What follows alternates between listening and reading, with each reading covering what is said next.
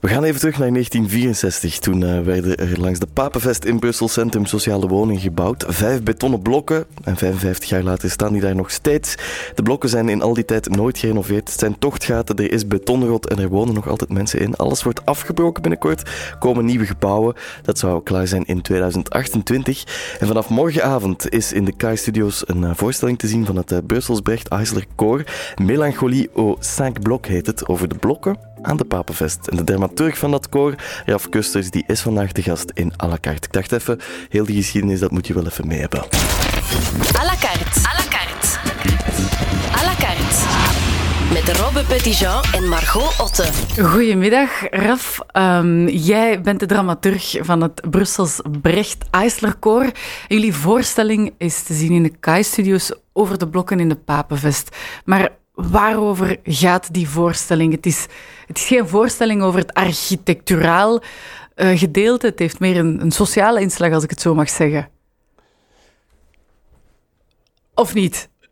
Absoluut. het is, een, een, een, hele barok en we, we, ballen die samen. Het is een poëtische voorstelling. Um, dus we maken eigenlijk een, resume, zou je kunnen zeggen, van een ingewikkelde situatie, maar we proberen die op een uh, begrijpelijke manier te presenteren. Het wordt gezongen natuurlijk, het stuk. Er staan twee acteurs in het stuk. En we hebben nog geen precies idee van de duur. Het zal iets van een uur zijn, denk ik. Teksten, gesproken teksten, uh, vijf liederen. Maar um, ja, zoals in de introductie al aangegeven, het heeft een hele lange geschiedenis, die, die site van de Papenvest en de vijf blokken, zoals wij ze noemen. En een hele ingewikkelde geschiedenis. Uh, de architectuurkant hangt er natuurlijk aan vast en is heel, heel uh, centraal. Maar de sociale kant interesseert ons eigenlijk meer. Omdat um, sinds een uh, jaar of drie nu weten we dat die blokken gesloopt zullen worden, dat de mensen er weg moeten. Het gaat toch over een achthonderdtal mensen. Meer dan 300 flats zitten er in die vijf blokken. En dat is een sociale problematiek. En als je dan kijkt naar de context, stedelijke context, um, de vernieuwing van de stad, ik noem het een transformatie, uh, eerder met een negatieve bijklank overigens, wat mij betreft. Want het zijn sociale woningen die vijf blokken natuurlijk. Het zijn nu nog sociale woningen. Er komt een nieuwe site, er worden nieuwe uh, appartementsgebouwen gebouwd.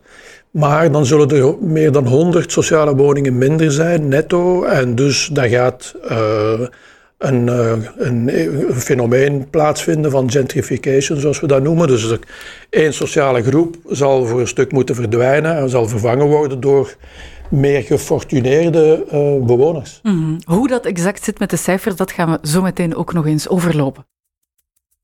Hoe is die voorstelling over die vijf blokken aan de Papenvest tot stand gekomen? Was dat toen het nieuws bekend raakte dat ze die gingen afbreken en daar een nieuw project zetten, dat jullie in actie zijn geschoten? Of is dat op een andere manier gegaan? Er kwamen een paar dingen samen uh, eind 2016. Toen was al bekend dat uh, de vijf blokken gesloopt zouden worden. En uh, in het koor waar ik in zing, waren we aan het nadenken over een nieuw project. En we waren een vorige project aan het afronden. En het ging over de oorlog. Uh, eh, 100 jaar herdenking van het einde van de Eerste Wereldoorlog. En daar hebben we de laatste voorstelling van gespeeld in januari 2017 in het Kai-theater. En op dat ogenblik wisten we dat we in het centrum van Brussel iets zouden gaan doen. En dat heeft zich eigenlijk heel snel toegespitst op uh, de situatie aan de vijf blokken van de Papenvest. Hoe pak je dat aan? Gaan jullie dan naar daar en bellen jullie aan? Of hoe is dat gegaan? Dat, dat uh, ging eigenlijk redelijk uh, vanzelf. Waarmee ik niet gezegd wil hebben dat het gemakkelijk ging. Maar um, ik woon er die ver vandaan, dus ik ken er nogal wat mensen. Ik ken er architecten hier vlak tegenover, want we zitten hier op Flagetplein toch. Maar hier zit een architect uh, die uh, ontwerpen gemaakt heeft in de jaren 90, die ook de sportzaal van de Papenvest ontworpen heeft. Die is gebouwd in 2002, dacht ja, ik. Ja, ja. Um, dus die, die mensen die van, van de ene, ene bron gaat je naar de andere en dan voor de bewoners. Um, er zitten een paar organisaties in uh, op de gelijkvloerse verdieping van de vijf blokken. Die werken met bewoners, die er uh, s middags de mensen opvangen. Um, daar, daar liepen we gewoon naar binnen en dan gingen we de mensen ontmoeten. helemaal in het begin, maar dat was een plan van korte duur, had ik mezelf voorgenomen van telkens ik er uh, zou binnenlopen van te zingen. Ik heb dat één keer gedaan. uh, om het duidelijk te maken. Ja, om, om, om, om, te zeggen dat we daar waren, om de mensen te ondervragen, te ontmoeten, maar met het idee om een uh, gezongen voorstelling te maken uh, over luttele tijd. Ja. En uh, toen dachten we dat we eind 2019, um, zelfs begin 2019 zouden klaar zijn. Het heeft een jaar langer geduurd. Beetje zoals de werken zelf. Heeft ook allemaal wat vertraging. Zou je kunnen zeggen, ja. Zijn er dingen die u verbaasd hebben? Um, want u gaat er naartoe. Ik stel me voor dat u zo onbevangen mogelijk naar binnen probeert te gaan. Maar er zijn toch wel bijzondere ontmoetingen bij, denk ik. Ja, uh, dat spreekt vanzelf. Dat is een heel diverse bevolkingsgroep, uh, zowel qua leeftijd als qua origine.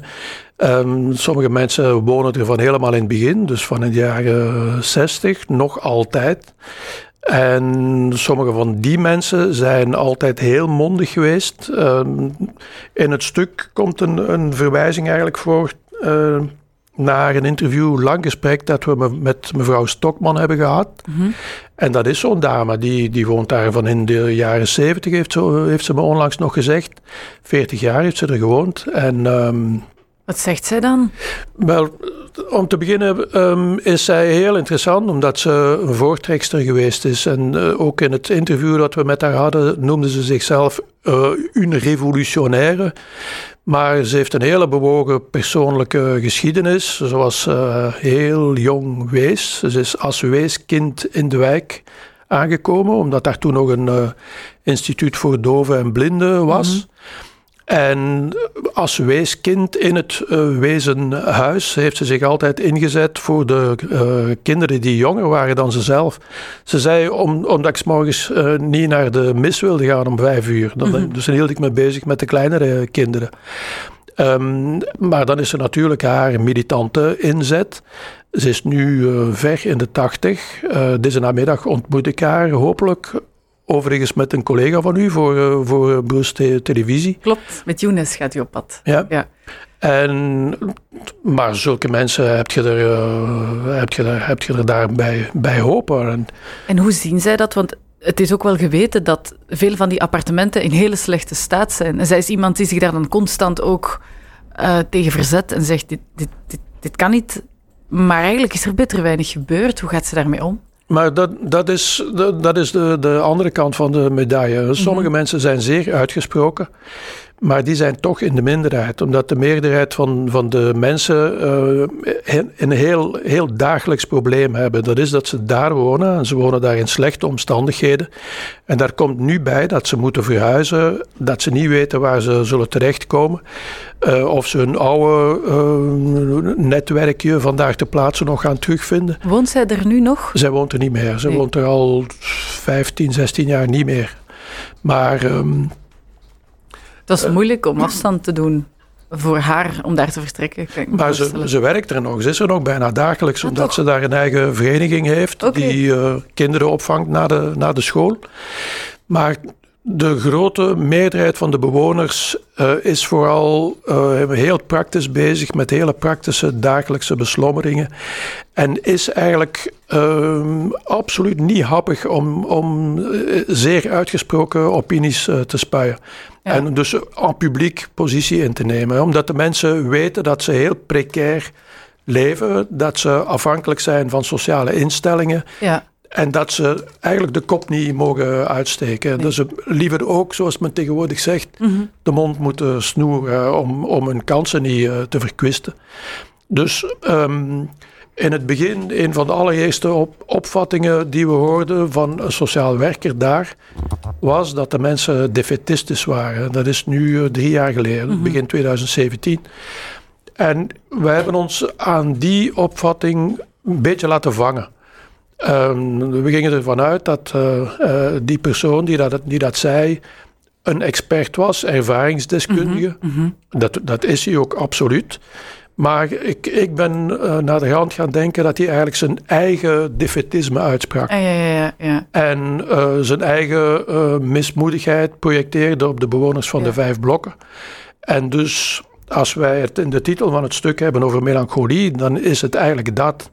Ja. Ehm, de mensen zijn mismoedig geweest, maar ze zijn het niet meer. Ze kunnen zich dat niet permitteren. Nee. Ze moeten op zeker ogenblik overschakelen naar de hele praktische dingen en dus terug aan de slag gaan. Dat Ja. is voor ons de, de betekenis van, eh, van melancholie. À la carte. Ja? Nee. Ben je iemand die snel opgeeft? Nee, Ben je iemand eh, waarvan de gedachten soms stilstaan? Ja, maar niet lang. Nee. ben je iemand die eh, idealistisch is? Als je dat zo wilt hebben, ja. Een beetje. Redelijk eh, veel, eigenlijk. Toch wel. Ja. Ah, Als je zegt dat je eh, gedachten soms stilstaan, maar nooit lang, wanneer slaag je er dan in om ze even stil te krijgen?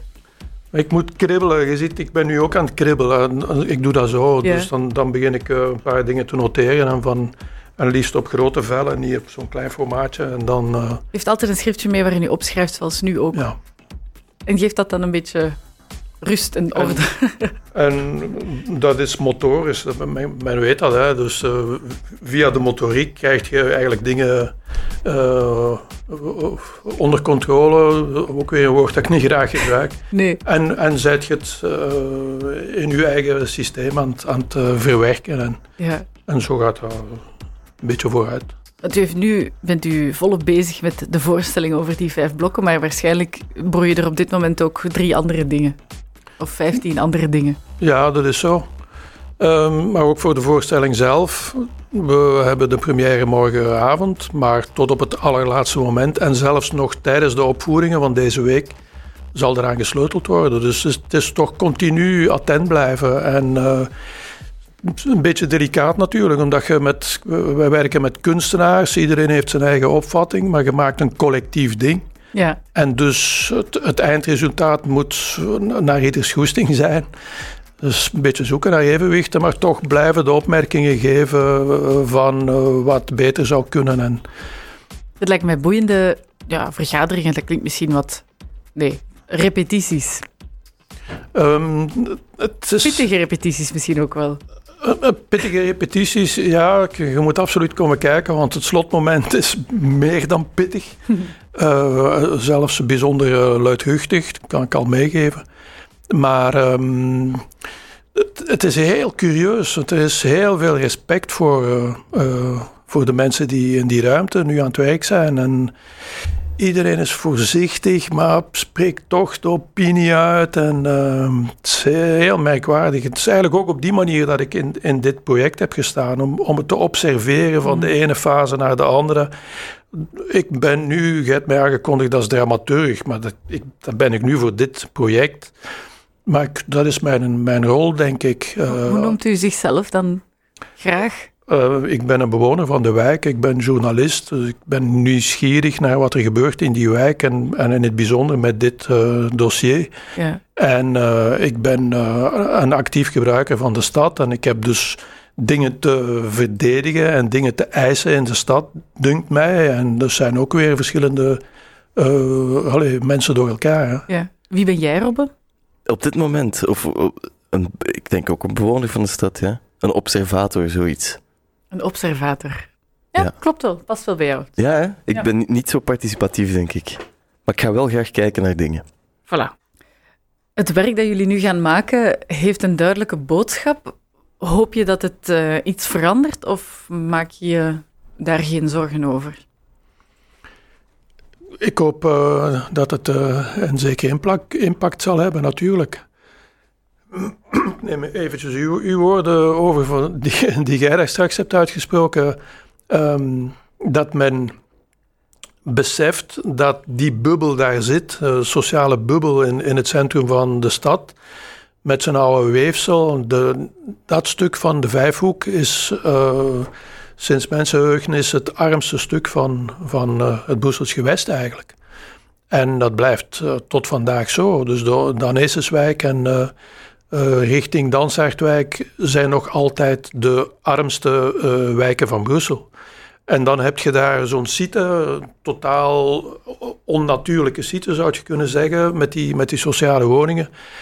En met het leven dat er is en met uh, het cité-leven dat er is en de, de, manier waarop de jongeren zich daar bewegen en, en, en, aan elkaar vasthangen. En dus dat moet daar eigenlijk blijven. Zo'n stuk een Brussels leven moet je daar houden.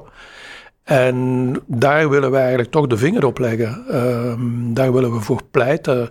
Ook al, al, doen we dat met het stuk niet zeer direct, niet pamfletair of zo, maar uh, veel mensen in de buurt, eh, ook zelfs in de heel nabije omgeving, weten nog altijd niet dat die blokken gaan verdwijnen. Hmm. Dat is heel curieus, maar uh, voor ons is het een heel belangrijk dossier. En heeft u de indruk dat de gemiddelde Brusselaar genoeg bezig is met de stad waar hij woont? Heeft u het gevoel dat mensen genoeg hun gedacht zeggen over veranderingen die gemaakt worden? Of denkt u, bon, mannetjes, kom eens in actie? Nee, dat denk ik niet. Ik denk dat de Brusselaars inderdaad uh, genoeg van hun neus maken. Toch wel? Ja, alleen heb je dat op, kun je dat op verschillende manieren doen. Mhm. Dus je kunt de straat optrekken in groep. Um, of je kunt naar uh, de sociale woningmaatschappij gaan als individu en proberen je uw gram uit te spreken en uw recht te halen. En dat zijn twee verschillende situaties, maar iedereen is daar, is daar volgens mij continu mee bezig. Ja. Uh, je hebt ouders die de straat blokkeren voor de schoolpoort omdat er verkeer is en omdat ze schone lucht willen. Uh, je hebt mensen die zich bezighouden met, met iemand, vrienden, vriendinnen die zich bezighouden met iemand die een, uh, een beroerte gehad heeft, die half verlamd is of helemaal verlamd. Die dingen gebeuren continu. Iedereen doet dat. Ja. Wat, wat er voor mij tekort aan is, dat is de, de, dat het, het zou meer moeten samenkomen. Ja. En, en men zou zich inderdaad meer bewust moeten zijn van wat er allemaal bezig is, wat er allemaal leeft, zodanig dat eigenlijk de volgende stap is, bon, waarom doen we het niet uh, uh, samen? Ik, uh, de, de, hier passeer ik soms met de fiets met de maskritiek. Hè. Laatste, ah, ja. Ja, laatste ja, vrijdag van de, van de maand uh, gaan de fietsers in Brussel uh, op een ongecontroleerde manier de straat op om hun plaats te eisen, om onze plaats te eisen in de openbare ruimte in Brussel. Dat is eigenlijk heel natuurlijk gegroeid, maar nu zijn dat 300, 400 fietsers. Het is een hele lange stoet die langskomt, ja. hè? Ja, absoluut. Dus ziet je, dus de dingen moeten uh, kunnen groeien, maar het is ook een bewustzijn. Dus ja. het is ook, we zijn met veel, laten we ons nu eens met, met een hele hoop uh, manifesteren. En, en daar, daar is nog een lange weg te gaan. Heeft u het gevoel dat de stad of het gewest luistert? Um, ik denk dat, uh, misschien kunt je, kunt je het vergelijken met, uh, met situaties in, in een bedrijf. Als, als de, de baas iets doet dat u niet aanstaat uh, en hij wil niet luisteren, dan moet je hem pijn doen. En dat is volgens mij wat er in Brussel moet gebeuren. Volgens mij wordt er veel te weinig geluisterd vanuit het beleid naar wat er, naar wat er gaande is, naar wat de mensen eigenlijk vragen of nodig hebben. En men doet heel vaak alsof. Mm-hmm. ik, ik stoor me um, de laatste tijd, het afgelopen jaar, eigenlijk aan een soort triomfalisme uh, vanuit uh, het beleid in, in Brussel-Stad. Uh, burgemeester en schepenen die eigenlijk continu boodschappen de wereld insturen waarin staat, kijk een keer wat we nu weer gedaan hebben. Maar um, wat ze doen, wat ze daar tonen, dat, dat triomfalisme is eigenlijk altijd dat, zijn, dat is marginaal. Dat, dat, is, dat gaat niet naar de kern van de zaak. Uh, de kern van de zaak wordt volgens mij veel te dikwijls uh, achter de coulissen beslist. Dat is achterkamerpolitiek. Ik heb een beetje spijt dat we Philip Klozen niet ook hebben uitgenodigd eigenlijk vandaag. Die komt uh, over twee weken langs, denk ik. En u kan vragen stellen, hè? Maar u heeft hem al gesproken, denk ik. ik heb ook zo'n gevoel. We zijn met velen. Laten we ons eens met uh, een hele hoop manifesteren. Een zin om in je oren te knopen, denk ik dan. Rest ons nog, nog de vraag. Nog niet weggelopen, wou ik zeggen. Nee, ik ben nog niet weggelopen. Want we moeten nog weten waar en wanneer we kunnen gaan kijken naar de voorstelling. Um, de première is morgenavond in de KI-studios. Uh, onze lieve vrouw van Vaakstraat. Vlakbij de vijf blokken. Vlakbij de vijf blokken. Dat is een heel bewuste keuze natuurlijk, maar ook een, een kans die ons geboden is door het KI-theater, uh, die partner zijn van de productie. Drie avonden na elkaar. Morgen première, vrijdag, zaterdag. Uh, vrijdag 10 januari met een nagesprek hm. met Simon Allemeers. -hmm. dat wil ik even... Um, wie, is, wie is Simon Allemeers? Vermelden. Wel, dan, dan, maak ik ook van de gelegenheid gebruik om, om te zeggen dat onze krant is. Hè, die is gisteren geleverd door de drukker. Die is gratis voor de mensen die naar de voorstellingen komen.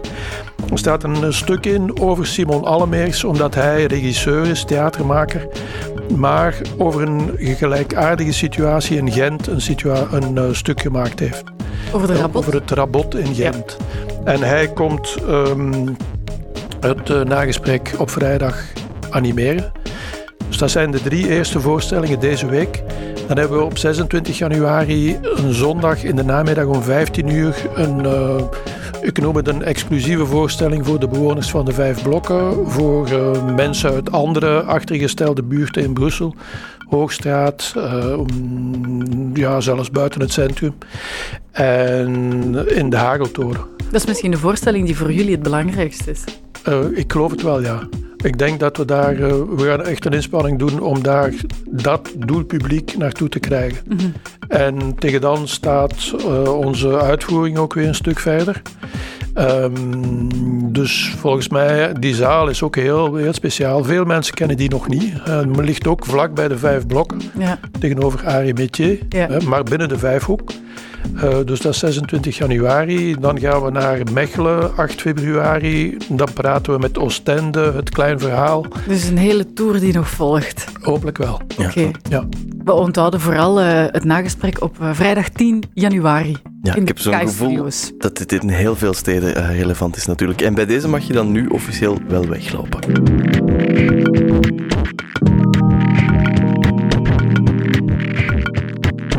Dus uh, was à la carte voor vandaag. Morgen zit hier Serine Ayayi, ze is uh, comedienne en afkomstig uit mijn hometown. En dat is uh, 1800 Vilvoorde. Dus ik heb een vermoeden dat we morgen stevig gaan lachen met Vilvoorde.